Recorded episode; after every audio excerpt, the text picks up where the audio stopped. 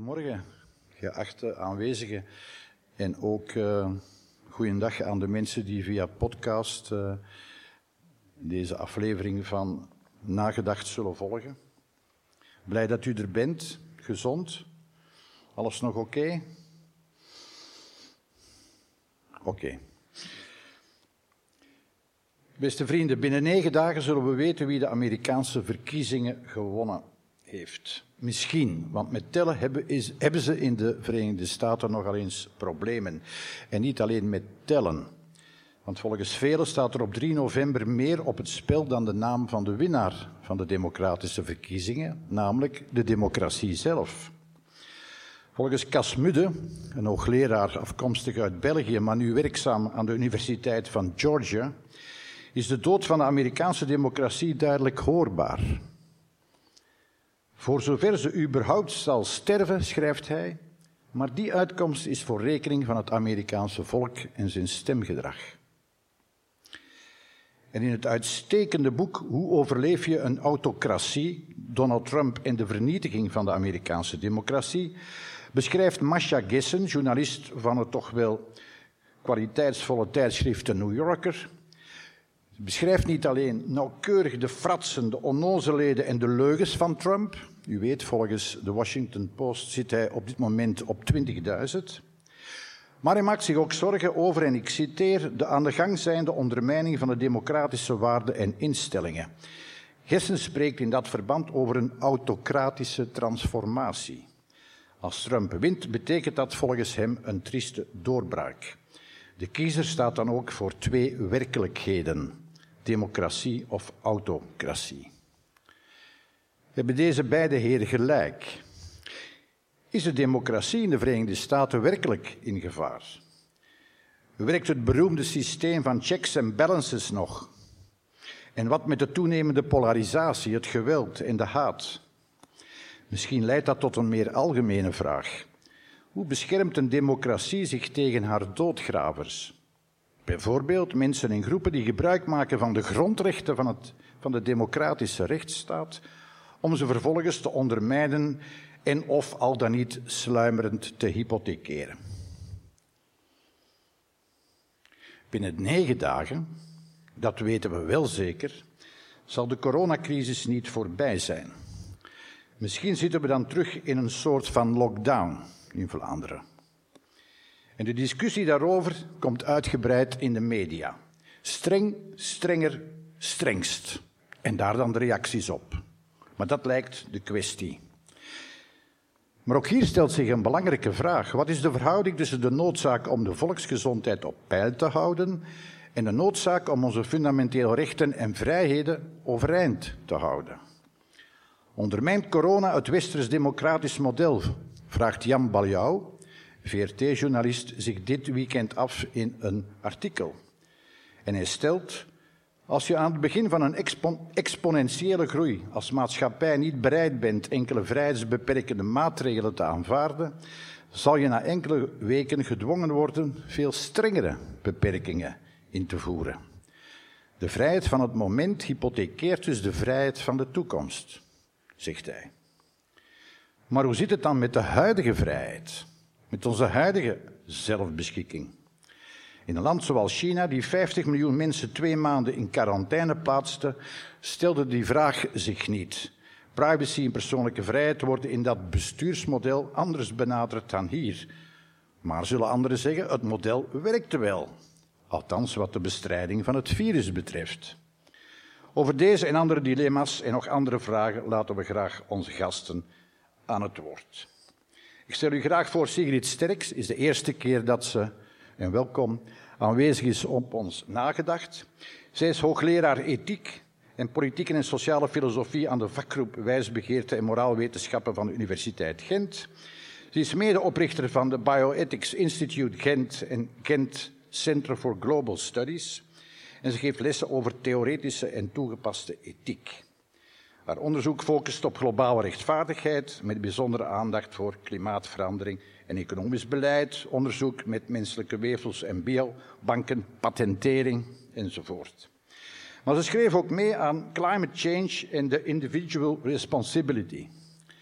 En recent, en dat is wel interessant gezien onze andere gast, is ook sterk geïnteresseerd geraakt in burgerlijke ongehoorzaamheid als reactie op een falend milieubeleid.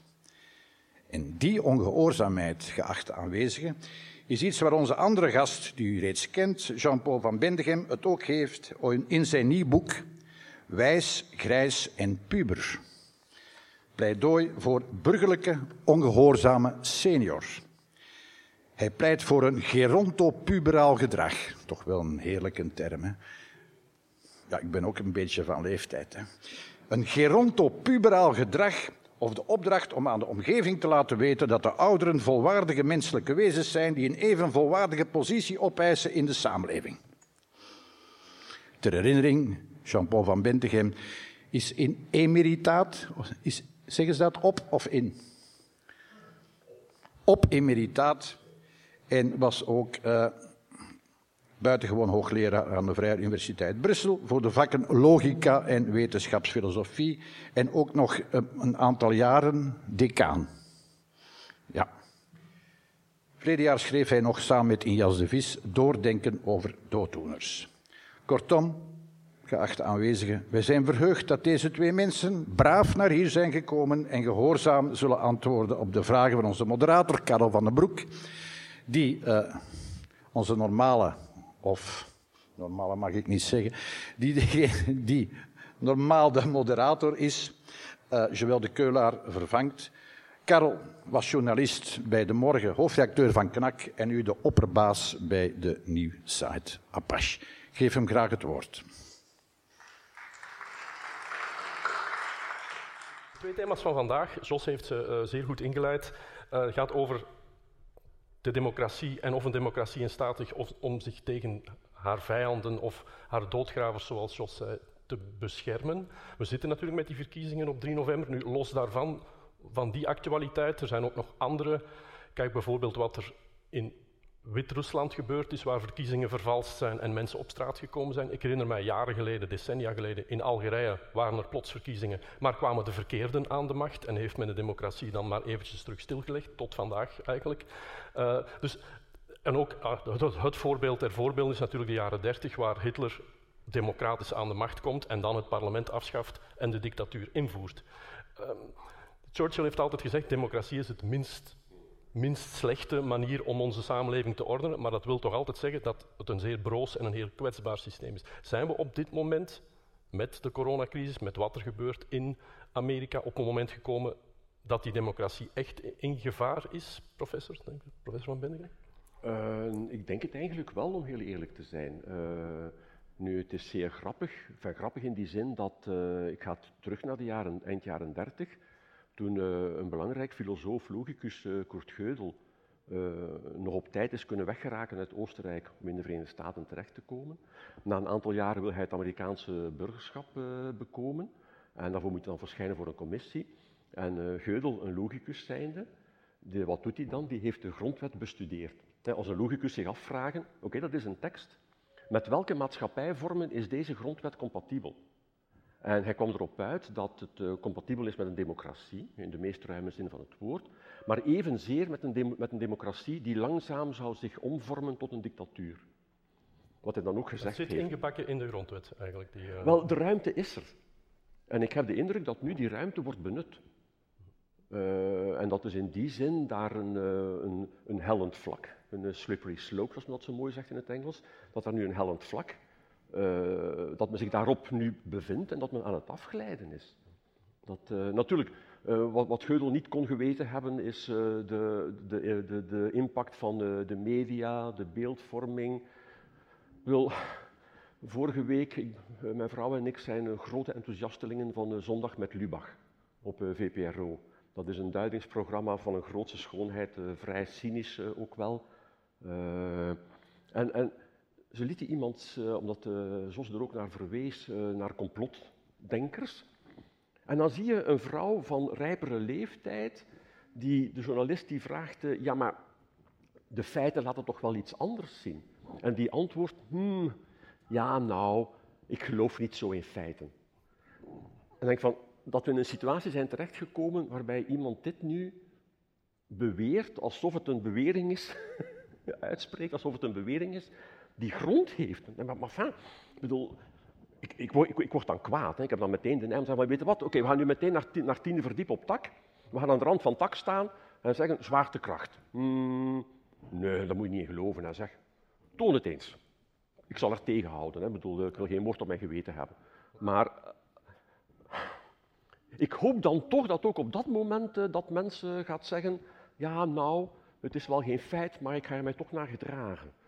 Dat, uh, dat, is maar één enkel teken, maar dat maakt mij werkelijk fundamenteel on, uh, ongerust. Maar ik vind niet dat we de Atlantische Oceaan moeten oversteken. Wat nu in Polen gebeurd is met abortuswetten, dan denk je, ja, het zit veel dichter bij huis dan, dan wij soms denken. Dus ja, wat dat betreft ben ik een zeer ongeruste burger. En u, professor? Ja, toen u alleen, een, een, indicatie doorstuurde van waar we het gingen over hebben, dacht ik van oei, ah, het is moeilijk. Het is uiteindelijk natuurlijk, we verwachten niet minder van een schitterende uh, platform als Apache, waar u dan natuurlijk uh, de hoofdredacteur van bent. Op het eerste gezicht lijkt dat een simpele vraag. Hè, van, van, oké, van moeten we bang zijn of, of kan de vijand, kunnen de vijanden van de democratie de democratie uh, ondergraven? In de VS mijn antwoord zou zijn, de VS is al heel lang geen democratie meer. Lang, lang, lang voor de verkiezing van Donald Trump is de VS gestopt een democratie. Is zelfs niet een mindere democratie, het is gewoon geen democratie. Dus het is al, het is al een hele tijd dat, um, als we bijvoorbeeld kijken naar de financiering van politieke partijen, uh, hoe dat systeem daar werkt en, en wat dus expliciet door, uh, door het Hoge Rechtshof in, in, in Citizens United uh, bevestigd is, ja, dat is gewoon het complete failliet van de democratie. Je koopt gewoon dus, dus het bedrijfsleven, uh, al, alles wat te maken heeft met grote geldstromen, is gewoon, dat was zelfs bij Obama zo. Hoeveel miljoenen en miljoenen en miljoenen dollars heeft Obama niet van de farmaceutische industrie, van Wall Street, van, van allerlei. dus de democratie is gewoon ja, nog een democratie in naam. Daar wordt lippendienst aan bewezen. Maar niet alleen omdat ze ja, volledig gegijzeld is door het grote geld, ook omdat, als we nu bijvoorbeeld kijken naar heel dat debat over die postal vote, als gevolg van corona, vroeger konden enkel, ja, soldaten natuurlijk, die in het buitenland waren, of diplomaten, mensen die om een of andere reden niet op het grondgebied konden stemmen, konden al van op afstand stemmen. Nu heeft men dat dan... Um, en met die postbussen, waarbij je dan ziet de republikeinen die hun eigen postbussen installeren. En mensen dan zeggen, ja, ik ga zeker niet mijn stembiljet in de officiële postbussen, want die, dat gaat fraude zijn, dat gaat uh, gemanipuleerd worden. Dus die steken dan stembiljetten in postbussen die juridisch gezien geen enkele validiteit hebben. En daarna gaan die dan misschien zeggen van, ja, maar mijn stemmen zijn niet meegeteld, et cetera, et cetera. Maar ook gewoon fenomenen zoals ja, de voter suppression hoe moeilijk het voor mensen gemaakt wordt om toekoer te stemmen. Wij kunnen ons dat niet voorstellen. Je moet je registreren, maar wij kunnen ons niet voorstellen. Dat zijn zaken waar Martin Luther King al sinds de jaren 60, niet alleen Martin Luther King, maar heel die civil rights movement heeft niet anders gedaan dan het documenteren van voter suppression. Dus vroeger deed men het op heel expliciete manieren. Je, je, kwam, uh, je kwam toe, je wou je registreren en als je niet bepaalde zaken uit de grondwet, ja, Gödel en Einstein en zo, die konden mhm. natuurlijk van buiten leren, maar als je analfabeet bent, dan kan misschien iemand bepaalde paragrafen uit die grondwet heel vaak herhalen en dan kan je die misschien memoriseren, maar misschien ga je toch hier of daar nog een woord mis hebben. Dus men, men, of, men zetten eigenlijk allerlei mechanismen in werking om te zorgen dat mensen die lager opgeleid waren, analfabeet waren, meestal waren dat dan mensen van kleur, dat die de facto gewoon niet konden stemmen. Of men deed dat door te zeggen, je moet, uh, je moet een rijbewijs hebben. Oké, okay, ook dat gaat al samenhangen met socio-economische. Of men zet die stembureaus op plaatsen die gewoon totaal niet bereikbaar zijn met openbaar vervoer. Zodanig dat ook weer bepaalde socio-economische groepen hemel en aarde moeten bewegen om überhaupt te kunnen gaan stemmen. Of om een dag verlof te kunnen nemen, terwijl ze drie jobs moeten combineren om gewoon een maaltijd op tafel te kunnen zetten. Dus we zien vandaag allerlei andere vormen van voter suppression die ook maken dat het woord democratie gewoon mhm. een joke is. Dat mhm. is gewoon geen democratie. Je zou bijna denken dat uh, onze stemplicht een oplossing zou kunnen zijn. Vroeger was er stemrecht, maar dan zag de patroon wie er ging stemmen. En als jij ging stemmen als arbeider, dan was je waarschijnlijk voor de socialisten aan het stemmen, dus verloor je je job. Dus heeft men een stemplicht ingevoerd, waardoor ja, je moest eraan gaan stemmen.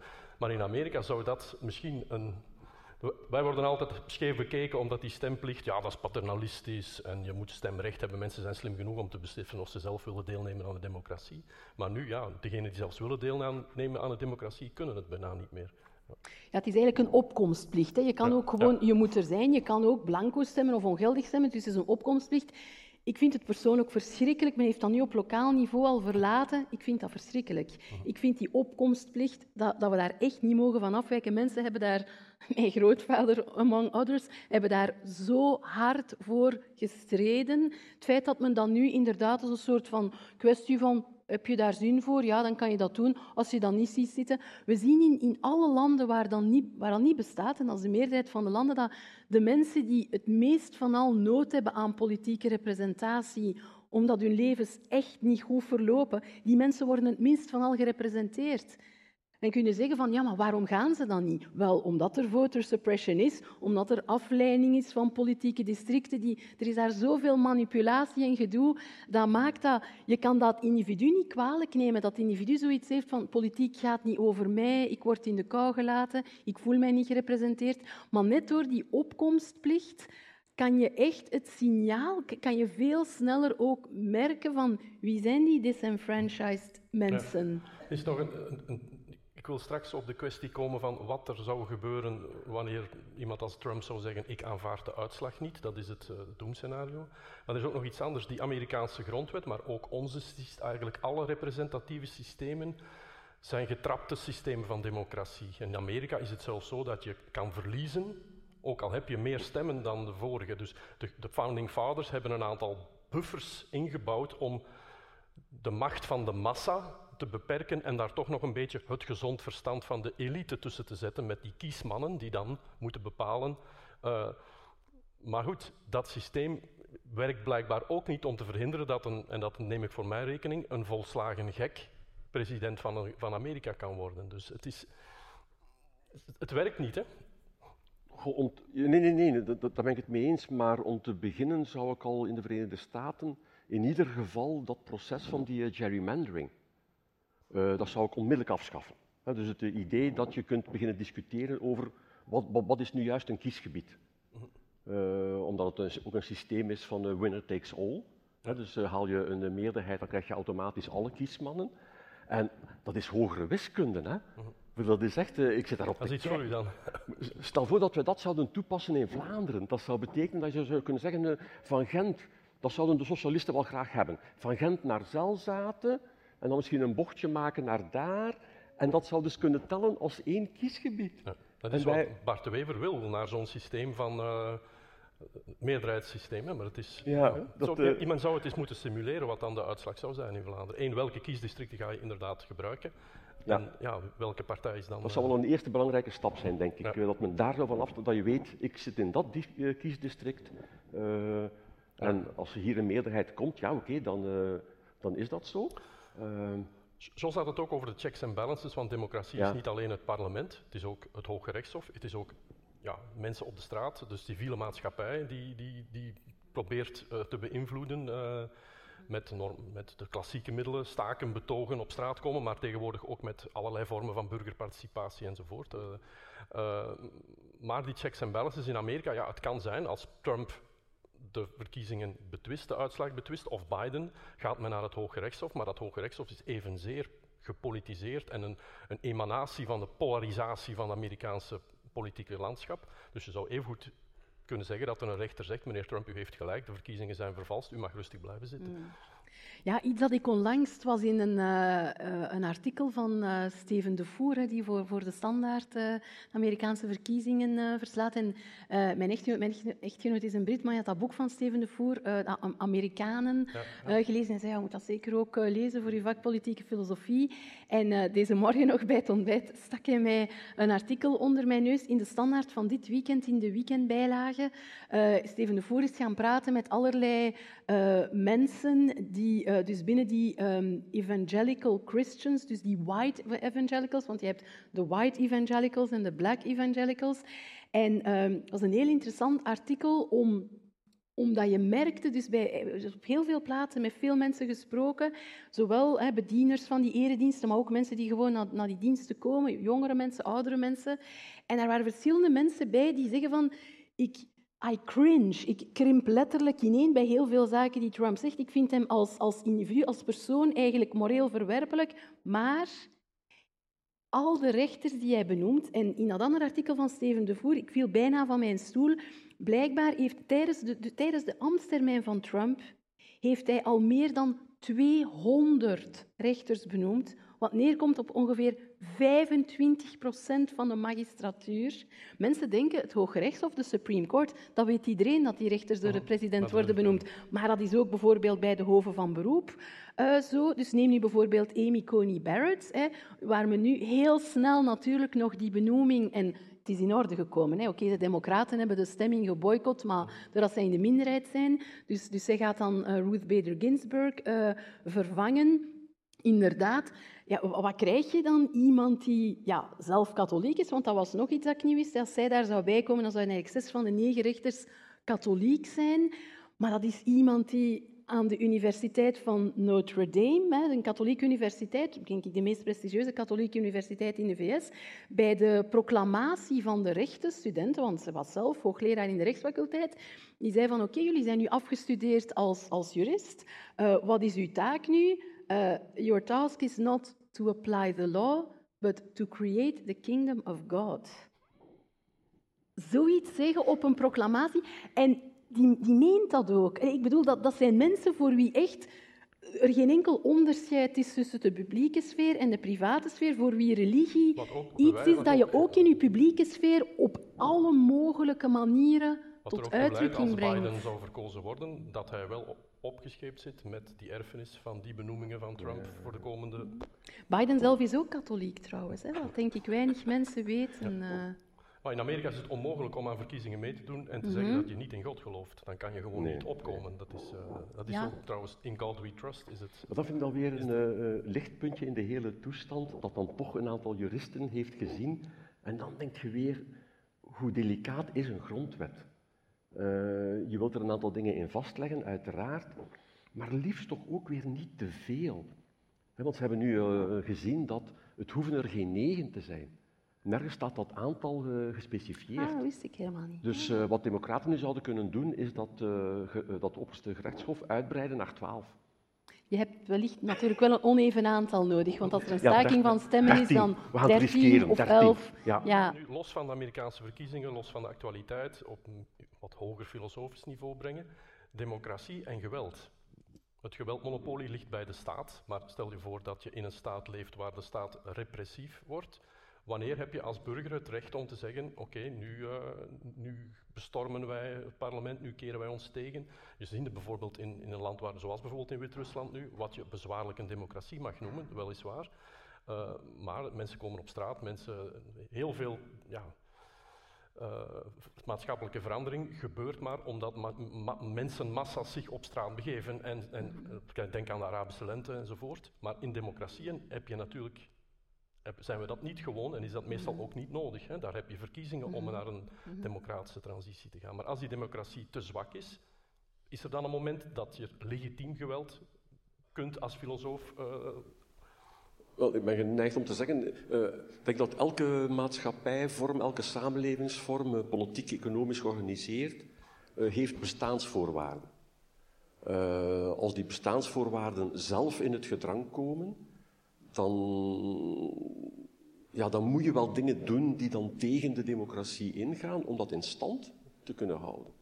Dus uh, in die zin, uh, heel abstract en algemeen geformuleerd, zijn er situaties denkbaar waarin men zou grijpen naar vormen van geweld. En dan nog is de discussie welke vormen uiteraard, maar uh, om een democratie in stand te houden, is mijn antwoord ja, want als die bestaansvoorwaarden in het gedrang komen, dan staat de democratie zelf uh, op het spel.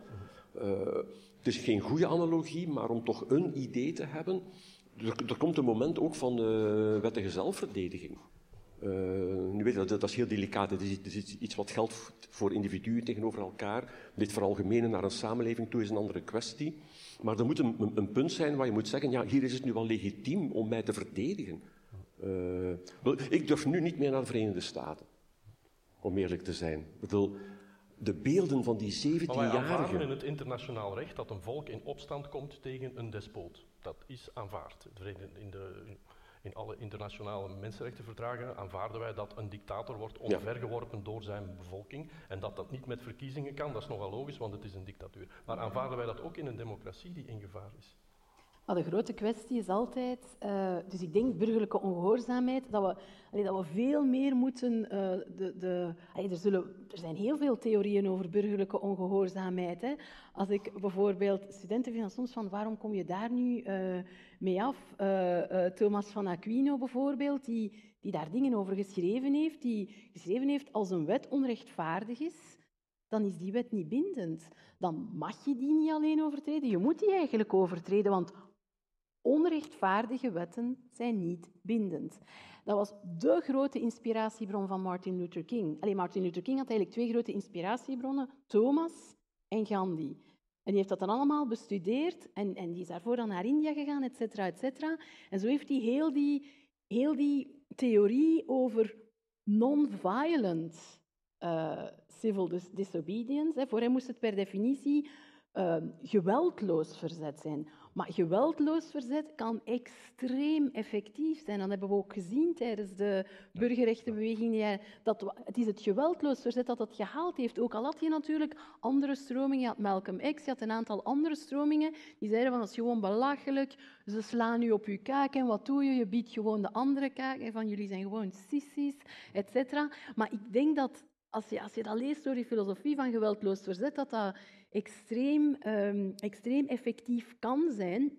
Maar dat, ik heb de indruk, als ik daar, daar les over geef aan mijn studenten, dat die zoiets hebben van, oh, maar ja, dat is toch gewoon, ja, dat is dan, als er dan verkiezingen zijn, als de beleidsmakers het niet goed gedaan hebben, oké, dan, maar how about tussenverkiezingen? Er kan zoveel gebeuren tussen verkiezingen. En als je je burgerschap, als je als enige daad van burgerschap ziet wat je daar om de vier jaar in dat stemhokje gaat doen, dat is toch gewoon veel te beperkt.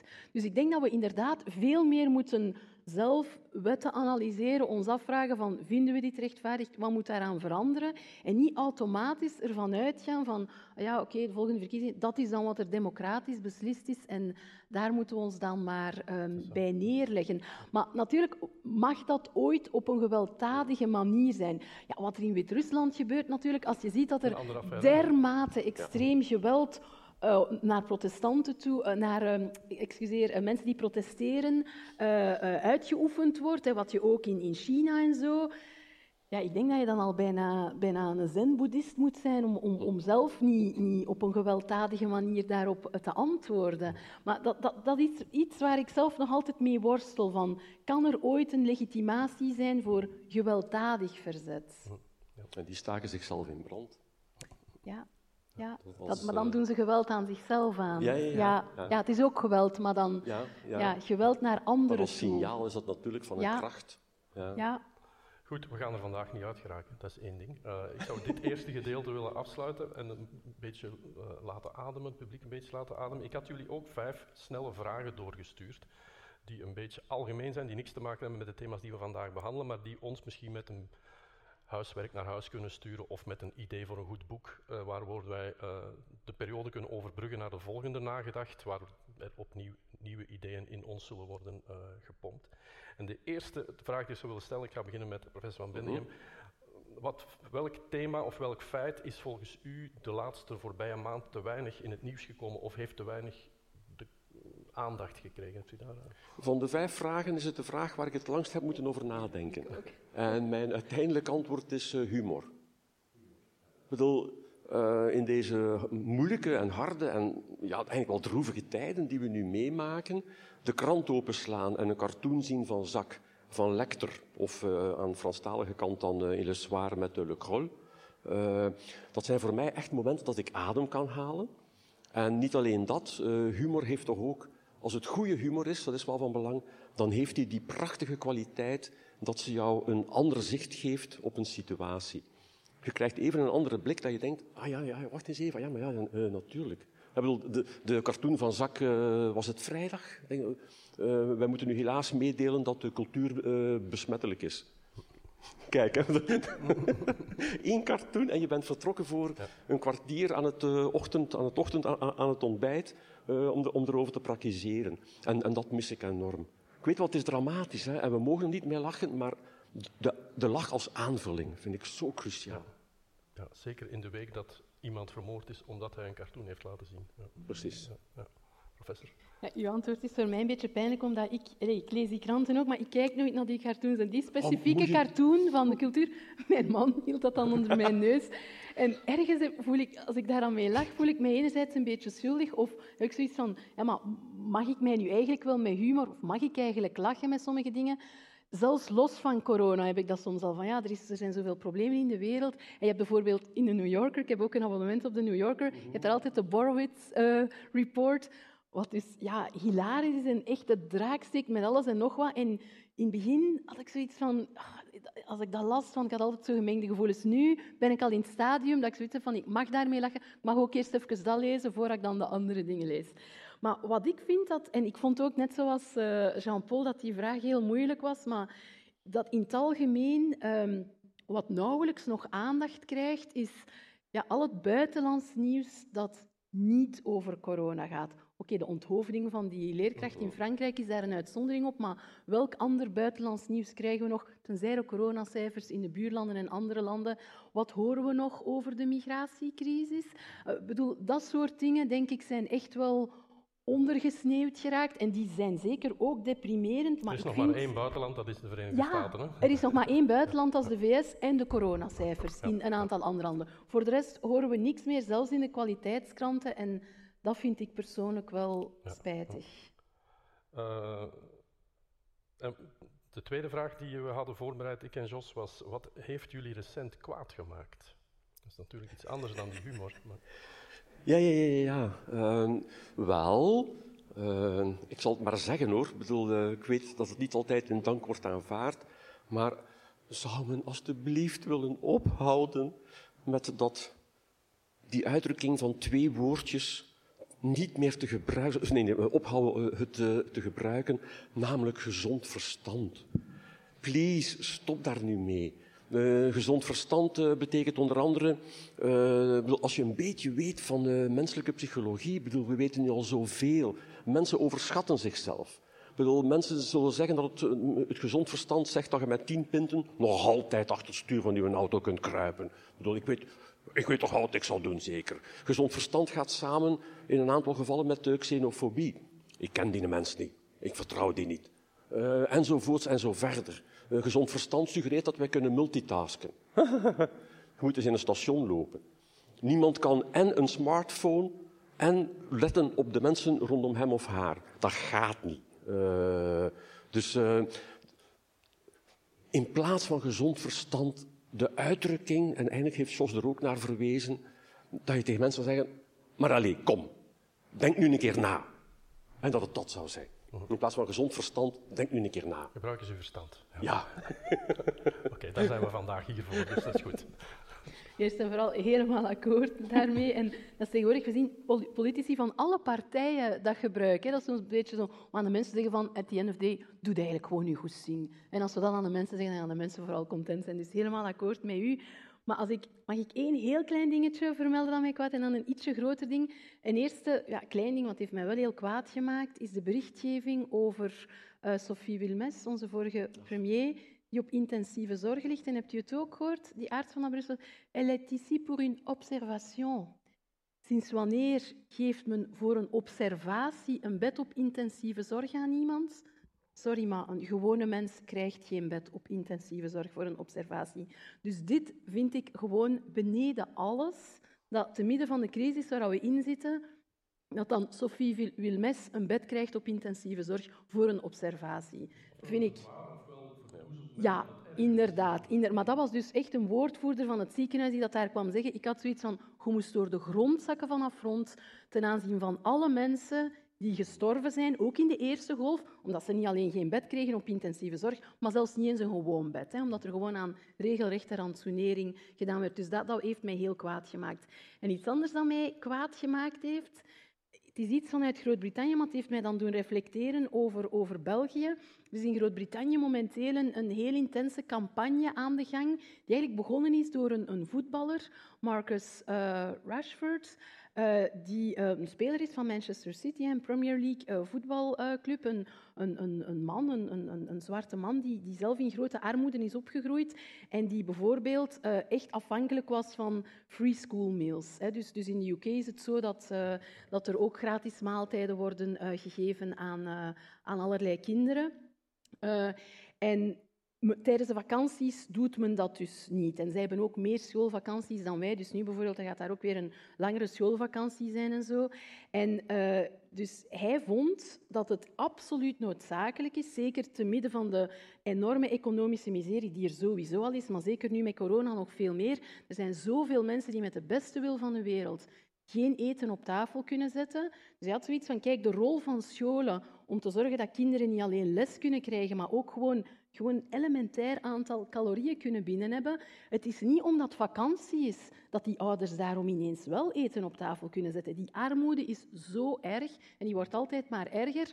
Uh, dus oké, dan wordt dat dan gedebatteerd in het parlement en de conservatieven die zeggen dan, nee, Nee, dat gaan we niet doen, want die mensen krijgen al uitkeringen. Dat is zogezegd universal minimum of zoiets. Of er is daar ergens een of andere naam voor, wat dus mensonterend laag is en waarmee je nog in geen honderd jaar uh, een deftig leven voor jezelf en je kinderen. Maar dat was dan het argument om het niet te doen. En dan heeft hij gezegd, oké, als jullie zo harteloos willen zijn, een beetje zoals Margaret Thatcher, de milksnatcher, die ook de melk, gewoon de, de, de dingetjes melk op school al afgeschaft had, dan zei oké, dan ga ik gewoon proberen een appel te doen op mensen in de maatschappij. Kleine bedrijven, grote bedrijven, burgers, allerlei mensen die vinden dat het wel belangrijk is dat er aan die kinderarmoede niets gebeurt. En die heeft daar dus een ongelooflijk grote respons op gekregen. Maar ik was dus totaal gedegoûteerd door de reactie van die conservatieve politici. Maar dan ineens bedacht ik dat in België doen wij dan niet eens tijdens het schooljaar. Dus hier in Engeland gaat de discussie over wat doen we voor kinderen op momenten dat ze niet op school zijn. Wat doen wij zelfs voor arme kinderen tijdens het schooljaar? En, en dan besefte ik van, ja, ik moet eigenlijk gewoon honderdduizend keer verontwaardigder zijn over hoe, hoe wij in België niets of quasi niets doen aan kinderarmoede, eerder dan mij vooral op te jagen over, over de conservatives in de UK. Dus dat heeft mij echt razend gemaakt. Uh, na de woede de hoop. Wat, is er iets wat jullie toch hoop gegeven heeft deze week? Ik weet, het is zoeken als een naald in een hooiberg in deze duistere tijden. Maar... Goh. Uh, Oké, in de eerste uh, golf van, uh, van corona, uh, de vele lezingen die ik geef, één na één allemaal geschrapt. In die tussenperiode kwam dat langzaam weer op gang. en dan als ik zag welke inspanningen men bereid was te leveren, van een kleine organisatie, hè, bedoel, een afdeling van de vrijzinnigheid, noem maar op, om toch die lezing te kunnen laten doorgaan, omdat men toch wil hebben dat mensen daar kunnen naartoe komen, een lezing kunnen meemaken. Het was in Lier uh, dat zij spontaan een team hebben gevormd van twintig vrijwilligers om alles in goede banen te kunnen leiden. Nou, juist binnenkomen, handen ontsmetten enzovoort. Alles, alles. Twintig mensen die spontaan hebben gezegd van oké, we doen dat. en het doet mij altijd denken aan uh, het boek van, uh, hij he, uh, helaas niet meer onder ons, hè, van Dirk van Duppen, onder de titel De Super Samenwerker. Waar hij eigenlijk een, een, pleidooi houdt om te zeggen, de mens is in eerste instantie een samenwerkend wezen.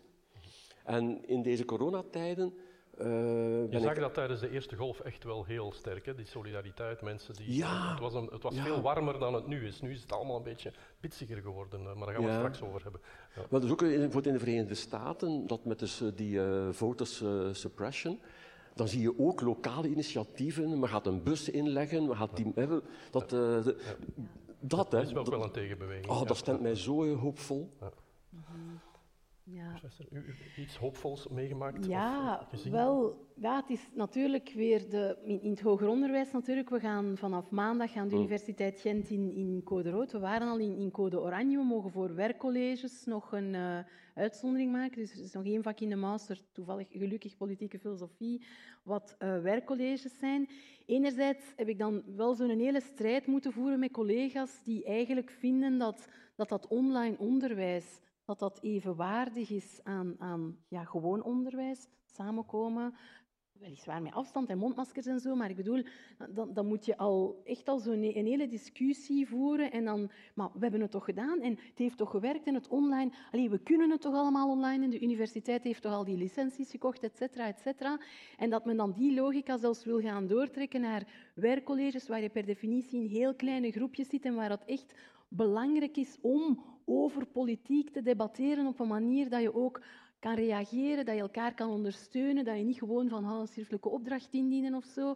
Dus het feit dat je dan, als je die strijd voert, toch dan iets of wat nog gedaan krijgt, maar ook dat je zelfs met de hoorcolleges en zelfs met de eerstejaarsstudenten die echt volledig verloren zijn en, en het heel erg vinden dat ze ja, de facto niet meer naar de campus gaan kunnen komen, dat je ook met die mensen dan zitten praten en doen vorige week over wat kunnen we doen om, om toch dat, groep van, dat gevoel van we moeten een groep van zoekende mensen, een groep van scholars, een groep van ook al gaat die computer daartussen staan als die barrière, van laat ons allemaal samen nadenken over wat kunnen we doen om niet die, ja, die vervreemding en die ja, dehumanisering die dat je voor een stuk krijgt door die online middelen.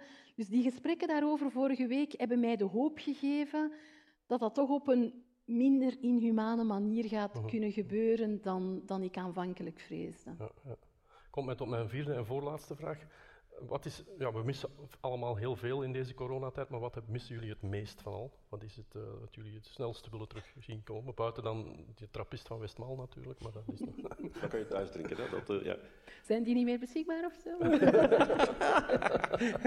Gelukkig nog wel, ja. Ik moet nu wel eerlijk bekennen, uh, Johan Braakman is daar zot op. Hè? Ja, ik weet het. En die is leverancier oh. van een aantal mensen. En, en gratis leverancier. Hè? En ja. hij zei mij, Jean-Paul, wilt je er een proberen? Ik zeg, ja, Johan, je hebt dat. Dus ik zeg, ja, ik vond dat niet lekker, maar goed. Uh. maar de 8, de 10 of de 12, hè, daar kan over gediscuteerd worden. Ja, ja, ja. ja, ja. Uh, wel, het is zeer eigenaardig, maar ik heb nu ontdekt... Uh, ik wist het al een beetje, maar nu is het bevestigd geweest voor, voor mijzelf ik ben veel meer een kluizenaar dan ik dacht. Wat eigenlijk wel zot is, want ik beweeg mij relatief veel in de publieke ruimte, al of niet uh, gepercipieerd. maar toch uh, het terugtrekken, het thuis zitten schrijven, lezen, denken enzovoorts. Het gaat mij wonderbaarlijk goed af. Maar wat ik ongelooflijk mis, is ja, Eigenlijk wel. De enige echte groep waar ik nu nog deel van uitmaak, is die curieuze groep die het nu uiteraard ook heel erg moeilijk heeft, namelijk de vrijmetselarij. Uh, als je nu spreekt van een contactgroep, uh, met jaar, wij, wij, knuffelen elkaar, we zullen bovenop elkaar kruipen. En dat mag nu allemaal niet meer. Uh, dat geeft dus zeer zotte toestanden. En daar heb ik nu ontdekt, ik mis dat. Ik bedoel, het lichamelijke contact, ik mis dat enorm. En daar was dat uh, aanwezig. Ja. Uh, dus ja, dat is eigenlijk het voornaamste. Eigenlijk wel, want voor de rest. Oh, om... Zeg zoals het is, ik leef grotendeels in mijn kop. Ja. En waar ik ook ben, ik heb mijn kop bij. Dus het maakt niet uit. Oké, okay. de guillotine uh, is nog niet terug ingevoerd, dus dat kan nog een tijdje duren. Professor. Ja, ik heb eigenlijk ook wel een beetje ontdekt dat ik meer een, een, een kluizenaar ben dan ik dacht. En dat dat inderdaad, ja, dat heeft nadelen, dat heeft ook voordelen. En mijn familie is ook, ook klein. En, en, uh, ja, en dat knuffelen, ik zou zeggen, gewoon je vrouw meer knuffelen. Hè. Gewoon 510 uur meer knuffelen met je vrouw. Dat is misschien niet hetzelfde als met je broeders in de vrijmetselarij, maar kan uh, misschien toch ook een, uh, een, een, tip zijn. Uh, nee, mijn, mijn ja, familie in de UK, mijn, mijn echtgenoot zijn familie in de UK, mijn schoonmoeder, mijn stiefkinderen, hun kinderen. We hebben die, ja... We hebben die dit jaar nog maar één keer gezien. Uh, en, en ja, ik, ik mis ook echt hoeveel bedenkingen ik ook heb bij allerlei politieke ontwikkelingen daar en zo. Ik mis het ook echt om regelmatig daar te kunnen zijn, zowel met de mensen die je dan hebt van je familie, maar ook gewoon in het algemeen, omdat je daar ook veel meer zo van die grassroots movement, je ziet daar veel meer zo bottom-up protest, ook bij de studenten aan de universiteit. Daar is veel meer politiek bewustzijn, activisme, etc. En als ik dan terugkom in Vlaanderen, heb ik altijd zoiets van, waarom zijn wij zo ingedommeld, waarom zijn wij zo docile? Dus ik mis echt wel om, om regelmatig naar, naar de UK te kunnen gaan. We hebben gelukkig veel tijd om te lezen. Uh, is er een boek uit jullie vakgebied, of breed vakgebied, filosofisch, uh, het mag een filosofische roman zijn ook, uh, dat jullie ons publiek zouden kunnen aanraden? Goh, ik heb, dat, dat, was, een echt, was ook een moeilijke, wegens te veel keuze. Aan de ene kant dacht ik, ik zal misschien uh, de recentste roman van uh, Ian McEwan, uh, Machines Like Me, en de ondertitel die niet op de kaft staat, maar op de titelpagina, Machines Like Me and People Like You, over een toekomstperspectief waarin robotten werkelijk heel dicht de mensen beginnen benaderen en dat dan uittekent. Dat is wonderbaarlijk mooi.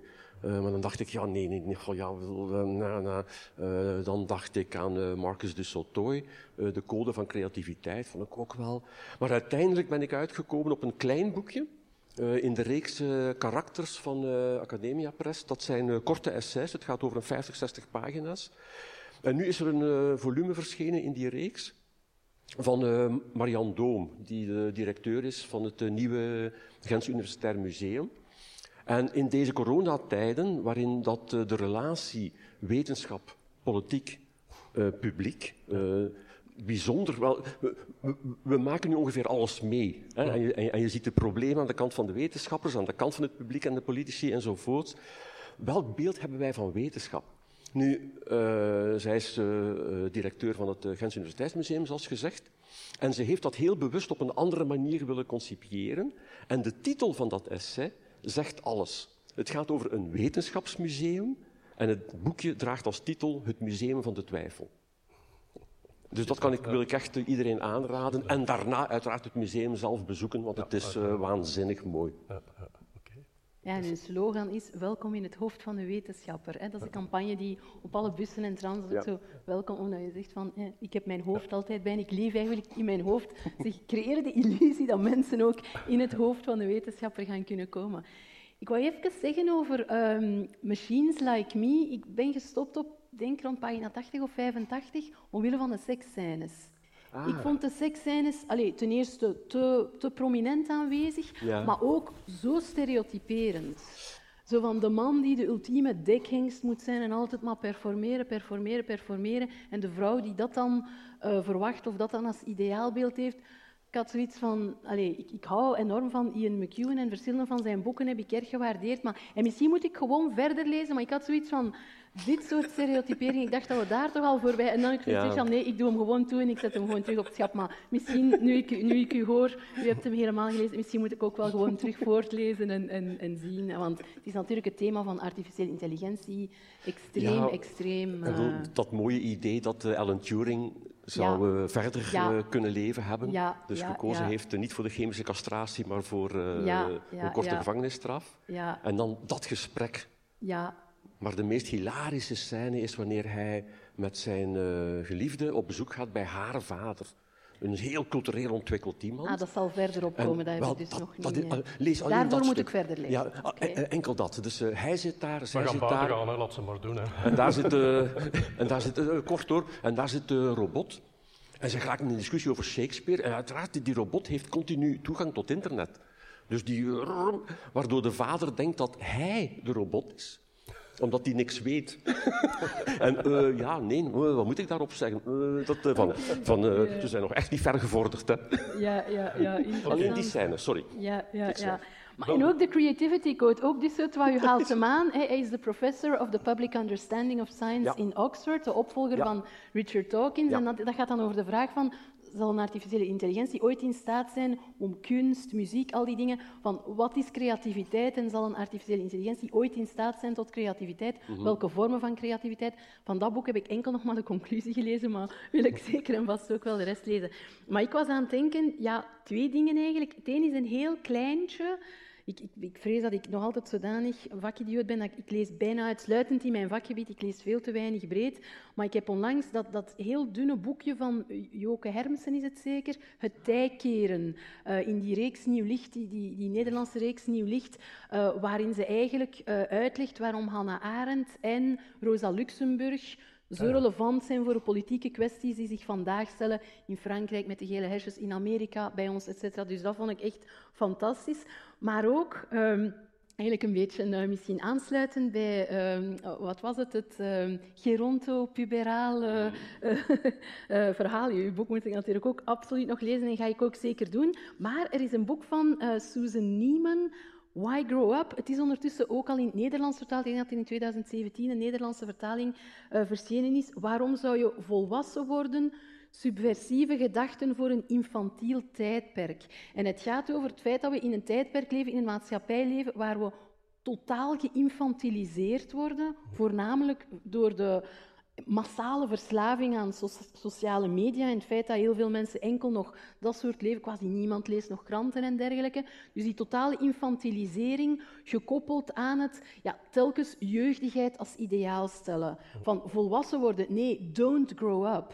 Eh, don't grow up. Dat is zo van, eh, hoeveel mensen hebben dan niet als poster in hun wc hangen of, of in andere plaatsen in hun huis. Zo, don't grow up. Zo'n zo soort van weigeren om, om op te groeien. Terwijl zij net zegt, vanuit die verlichtingswaarde, Kant, Rousseau, al die filosofen die de revue passeren, dat ze net zegt van het is nooit noodzakelijker geweest dan nu om echt wel op te groeien. en om, om, om heel die verheerlijking van soort van ja, rebellie omwille van de rebellie en gewoon uw goesting willen doen. Uh, het is nooit meer dan uh, nu noodzakelijk geweest om, om dat soort denken te verwerpen. Okay. Dat is echt een fantastisch, ook een heel, ah, het is denk ik 130 pagina's of zo, het is geschreven voor een breed publiek, dus Susan Nieman, waarom volwassen worden. Op, stel voor dat jullie die titels nog eens op mail zetten, dan zullen ja. we die hier op de website ja, plaatsen en dan kunnen de mensen dat nog eens rustig bekijken. Uh, goed, wij komen nu terug serieus, hè, want uh, de korte vragen. Um, maar het tweede onderdeel waar Jos het ook over gehad heeft, gaat eigenlijk over. Um, hij heeft het voorbeeld van de lockdown gegeven, van de avondklok. Het gaat over dat er steeds meer stemmen opgaan die zeggen: kijk, oké, we zitten in een crisis. We hebben het ook meegemaakt met de aanslagen na 9-11, maar ook de aanslagen in Europa. Uh, dat een aantal fundamentele vrijheden van burgers worden beknot in het hoger belang, namelijk het garanderen van de veiligheid, het, het, niet verspreiden van het virus enzovoort. Dat is natuurlijk een hellend vlak. Uh, en het kristalliseert zich uit in, dat, in die invoering van de avondklok, die wij niet meer meegemaakt hebben sinds de Tweede Wereldoorlog. Uh, avondklok die zegt dat je gewoon niet op straat mag komen van 10 uur tot uh, eh, 6 uur in Brussel. Uh, of, ja, de uren, het hangt vanaf waar je woont. In Brussel is het iets strenger dan hier nu. Um, we hebben meegemaakt in de tijd van de aanslagen, uh, eerst in Parijs, dan in Brussel, dat bijvoorbeeld de termijnen waarmee je iemand mag opsluiten zonder dat je hem aanklaagt van 24 naar 48 uur, voorlopige hechtenis, dat soort zaken. Dat je huiszoeking wel s'nachts mag doen, dat mocht vroeger niet. Dat, dat, allemaal om de speurders het gemakkelijker te maken om die stoute terroristen te vatten, waar we begrip voor kunnen opbrengen. De vraag is natuurlijk, wanneer zijn die maatregelen proportioneel? Hoe lang mogen ze blijven duren?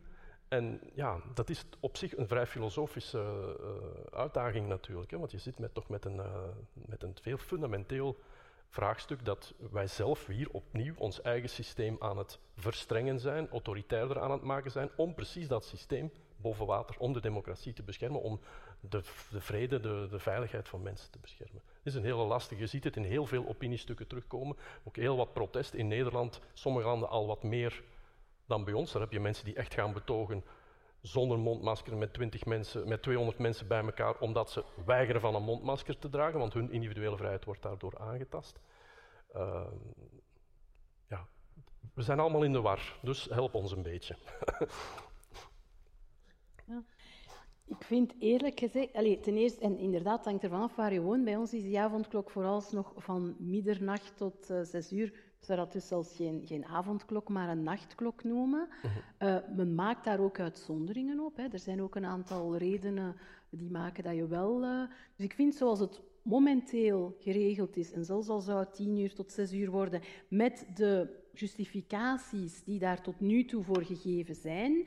En daar moeten we denk ik wel bij vertellen dat, uh, dat de communicatie nu, sinds, sinds we de nieuwe regering hebben, dat toch denk ik de stijl en, en, en, en de mate van communicatie en de diepgang van de communicatie, uh, uh, dat er wel ja, zeker een verschil is met de, met de vorige ploeg.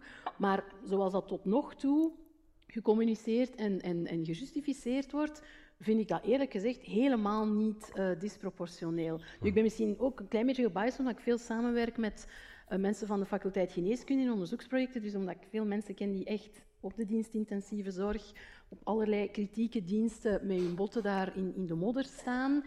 En uh, die, ja, natuurlijk, die mensen vragen zich heel terecht af van, is dat nu zo moeilijk voor de mensen om die elementaire dingen uh, na te leven. Want mochten we dat gedaan hebben, dan zouden we natuurlijk niet, uh, niet de massive search uh, zien die we nu zien. Dus ik, ik denk dat het is evident dat er hè, sowieso een heel duidelijke communicatie daar moet over zijn. Maar ja, dat je daar geen opiniepeiling moet over organiseren, dat lijkt mij nogal evident.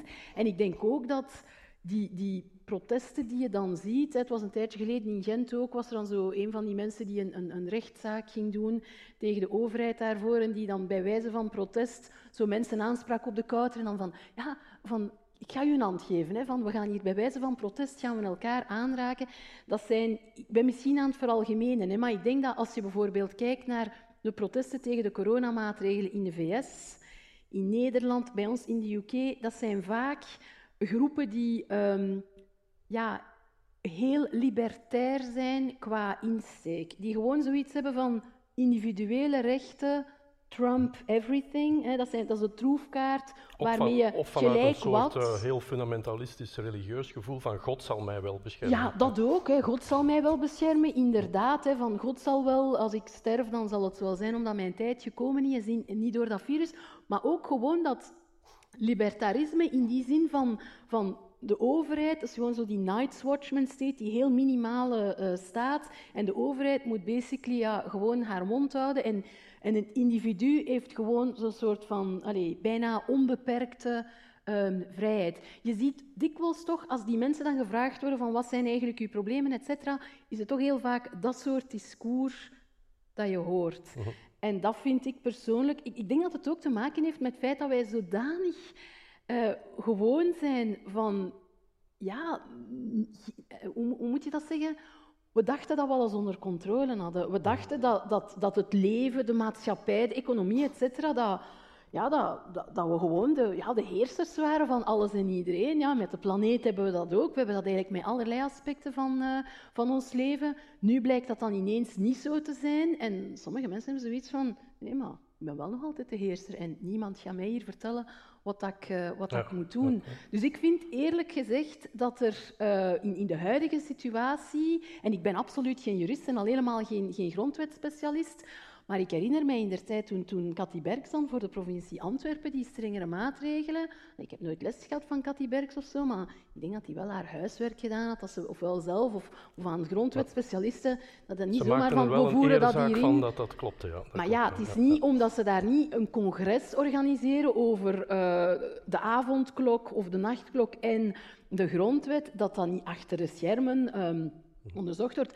En natuurlijk, er zullen zich wel een aantal rechtszaken waarschijnlijk aan, het opklimmen zijn naar allerlei rechtbanken. Ik zeg ook niet dat dat niet, toegelaten zou mogen zijn, maar het zou mij zeer sterk verbazen dat, uh, dat men daar zijn huiswerk niet over doet. Ik denk ook iemand als Frank van den Broeke. Allee, er is ook een reden waarom ze die man gevraagd hebben om terug te komen naar de politiek. Dat zijn geen mensen die dat even tussen de soep Het is ook wel een professor die de kunst verstaat om duidelijk te communiceren naar hele gewone mensen. Dus Ja, in die zin is hij wel een voorbeeld voor eh, Ja, de, de academici in hun Ja. ivoren toren. En eindelijk is iemand die niet gewoon zo met de goed nieuws of ik, is, hij, is hij niet een van de weinigen die dat woordje gezond verstand niet gebruikt? Ik denk het, hè? Ja. For good reason. Ja. Professor, wat is wel, ja, van, Om e- even daarop aansluitend, eh, en ik zal meteen uitleggen ook waarom. Eh, ik, ik vind het iets te grappig geworden nu dat we aan de ene kant met eh, grootvader eh, Mark van Rans zitten, die als goede bompa ons zegt, maar je moet dat niet doen. Enfin, gebruik een keer je gezond verstand, dan ga je dat toch niet doen. En hoop dat het op die manier werkt. Eh, Frank van den Broeke heb ik de indruk, hij staat nog altijd voor een auditorium. Ook niks mis Ik weet niet of, of men dat interview heeft gezien met die journalist, die, waarop hij, waar, waar hij zei, de toestand is dramatisch. En eh, de journalist die zei, eh amai, dat, dat eh, klinkt wel zorgwekkend. En Van den Broeke die antwoordt, ja maar wat wilt je? De waarheid of praatjes? En de journalist die antwoordt, ja. Ja, liefst wel de waarheid. Ja. Ik vond het een pracht van een moment, een, een waarheidsmoment. Dus, eh, Maar ja, of bijvoorbeeld soms op het VRT-journaal, als dan, ja, op momenten dat er toekoor geen enkele politicus wilde komen. Het waren altijd de virologen en de infectiologen die moesten komen. En dan had je zo toestanden. Oké, Mark van Rans komt dan uitleg geven en dan heb je Goedele de Vrooy. Maar we Oh, maar nu klinkt u wel pessimistisch. Dat klinkt toch niet echt optimistisch? ja, we zijn als journalist natuurlijk altijd van, er is een probleem, u bent politicus, dus u moet het Ja, oplossen, alsof er voor ja. dit, maar dit ook probleem waarom, een waarom moet het een optimistisch verhaal? Waarom moet Mark van Rans een optimistisch verhaal komen vertellen? Kunt u dat zich voorstellen, een journalist oh, maar dat klinkt niet echt optimistisch. Wat moet Mark van Rans dan? Oh, sorry, ik zal even een optimistisch verhaal. Zo, en, en dat vind ik dan inderdaad zeer verfrissend bij Frank van den Broeke. Ja, als er geen goed nieuws is, dan het is misschien belangrijker dat de mensen Ja. niet belogen worden. Ja. Maar Ja. nu de algemene vraag. Algemene- eh, mijn uitgangspunt is eh, in de mate dat het kan.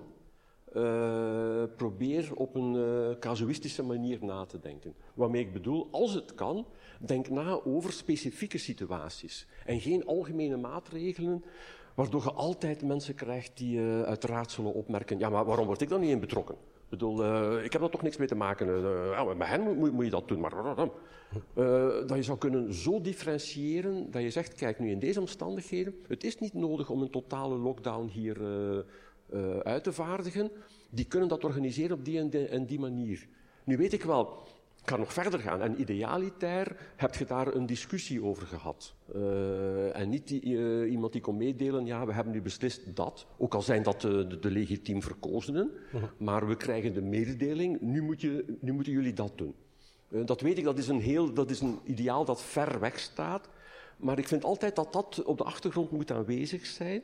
En dat daarom, hoe algemener een maatregel wordt, hoe beter die verantwoord moet zijn.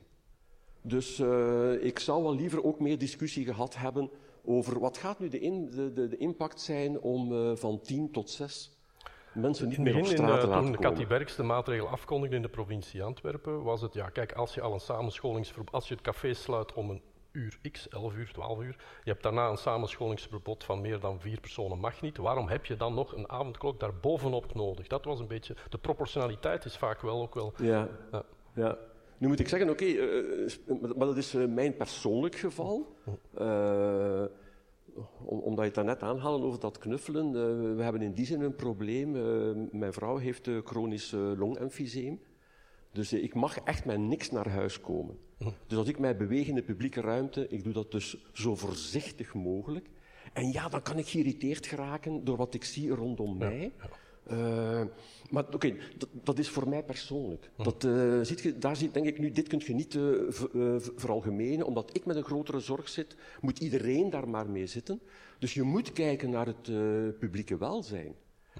En eerlijk gezegd, als nu het weer zou lukken om op twee weken dat plateau te bereiken, dan de twee weken die daarop volgen het te zien dalen, dan ben ik geneigd om te zeggen, prima wat mij betreft.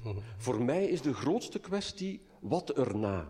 Wat als we in post-covid gaan terechtkomen, en dat moet toch ooit wel een keer gebeuren, eh, wat dan met eh, het eh, herbekijken van de maatregelen die we nu genomen hebben? Met bijvoorbeeld eh, ja, de hele discussie over privacy, over data verzamelen. Eh, ik zou zeker willen dat in post-covid dat opnieuw heel streng wordt bekeken. Dat die app, eh, ja, ja, alles Ja, ja, ja. En, en- en dat daar dingen worden vernietigd. Eh, bestanden die we niet meer nodig hebben. En zo, of, of te- tenzij voldoende geanonimiseerd enzovoort, dat het voor wetenschappelijk onderzoek interessant kan zijn. Dat is een andere kwestie. En daar, oké, we zijn nog niet aan het einde, nog lang niet. Maar ik hoop dat men dat idee zeker in het achterhoofd houdt. De evaluatie nadien. Zoals ik ook, eh, als, als we op een moment komen dat we zeggen, goed, we zijn er zo ongeveer. We hebben een vaccin bijvoorbeeld. Eh, het eerste wat ik zou doen, drie dagen, misschien zelfs een week, van nationale rouw afkondigen. Om nu eindelijk aan iedereen de kans te geven om echt afscheid te kunnen nemen. Want dat zijn ook van die dingen die verdwijnen in de, op de achtergrond, wordt af en toe al eens uh, opgehaald. Maar als ik dan hoor, oké, koffietafels mogen nog, dan denk ik, oef, dat men tenminste... Ja. Want men vergeet, men, men vergeet te veel naar mijn smaak dat uiteraard corona een kwestie is van leven en overleven, maar ook een kwestie is van dood. En vooral van dood en, en ermee uh, omgaan. En, en, en, dan natuurlijk komt je naar heel diepe dingen die dan te maken hebben met eigenlijk zou dit nu het uitgelezen moment moeten zijn om eens opnieuw na te denken over de verhouding van de wetenschap, maatschappij, wetenschap, uh, politiek enzovoorts. Ja. Om daar eens opnieuw naar te kijken, want we hebben nu dingen meegemaakt. Uh, we hebben nu zoveel materiaal om mee te werken. Dat heb je altijd bij rampen natuurlijk. Nadien heb je studiemateriaal, in overvloed in principe. Uh, echt iets om uit te leren. Ja. Misschien is dat mijn ultieme boodschap hoor. Ik, bedoel, eh, ik kan met een aantal dingen nu vandaag leven op voorwaarden dat wij bereid zijn om er nadien uit te leren. Um, we zijn aan het hoogtepunt van de ochtend gekomen, dat weten jullie niet, maar het hoogtepunt van de ochtend is de tombola. Ja. Wij zitten hier maar als bijzak, zij komen voor dat boek. Uh, het boek, dat is van een van onze gasten, daar mag u toch nog even twee minuutjes iets over vertellen. Jean-Paul van Bendegem heeft een boek geschreven, hij heeft er al naar gealludeerd en Jos ook, dat heet Wijs, Grijs en Puber, pleidooi voor de burgerlijke ongehoor, burgerlijk ongehoorzame seniors. Heel kort, waar het boek Heel over kort, gaat? Uh, twee aanleidingen. Uh, de ene aanleiding was, uh, als nu deze maand ben ik twee jaar gepensioneerd. En uh, ik heb iets meegemaakt, het is een korte anekdote, maar voor mij was dat echt waar, ik werd wakker geschud. Uh, de lijn Gent-Brussel was mijn vaste lijn. Uh, gewoon in Gent werd, werd aan VUB. Uh, mijn abonnement had ik altijd bij. Dus die trein was van mij. Ik kon daar opstappen en afstappen wanneer ik wilde. Je bent gepensioneerd, dat is gedaan. Seniorentickets. en natuurlijk binnen een paar maanden was het zover. ik stap op die trein en ik had geen ticket nog het idee van, mijn, ik, heb, ik heb mijn abonnement, dus geen probleem. Dus ik zet op een ticket, van geen probleem, als die controleur afkomt, ik leg het wel uit en dan zien we wel. Die, die dame, ongelooflijk vriendelijk, echt waar, hè? ik wil schitterend. Maar wat deed ze? Ik leg het dus uit, van ja, sorry, maar geen ticket enzovoort enzovoort. Ze heeft mij niet beboet, maar wat ze wel deed, echt waar, en ze boog zich voorover. Maar dat is geen probleem hoor, meneer, we gaan dat zo in orde brengen. En ik dacht, wat doet jij nu? Ik had dan echt zin om recht te staan, mevrouw, ik eis nu dat je mij beboet. Want dan neemt je mij voor vol aan. Nu denkt je, ik ga die een sukkelaar helpen. Ik heb dat niet gedaan. Hè. Ik, bedoel, uh, ik ben van half Nederlandse afkomst, dus heel zuinig. Uh, maar heeft me wel aan, het denken gezet. En dan dacht ik, maar wat is dat nu toch? Waarom uh, wordt die laatste fase, als ik het zo mag uitdrukken, dat ouder worden en ouder zijn, wordt dat gezien als een aflopende fase. Een soort infantilisering van je. Ja, terwijl ik denk, wanneer dat is een volwaardige fase, maar dan moet ik ze ook een naam kunnen geven. Uh, en dus zeg ik nu, uh, jeugd, zeg maar puber, volwassen, tweede keer puber. Ja, het is wel een trend, hè, want mijn collega, mijn gewaardeerde collega Anne Peuteman heeft daar vorig jaar een fantastisch boek over geschreven. Ja. Uh, maar ook Johan Leman zie ik op zijn Facebookpagina, ja. de, ex, de, de, de, voorganger eh, van het eh, Centrum voor de Gelijkheid van Kansen destijds, die ook met pensioen is, maar die is ook bezig van wij uh, senioren, uh, het is nu genoeg geweest, dus misschien zit er nog een front in over de levensbeschouwingen heen, want Johan Leman is een pater, uh, kunnen jullie samen front vormen. Dames en heren, het was mij zeer aangenaam. Ik was een beetje zenuwachtig voor ik naar hier moest komen. Het was mijn eerste keer.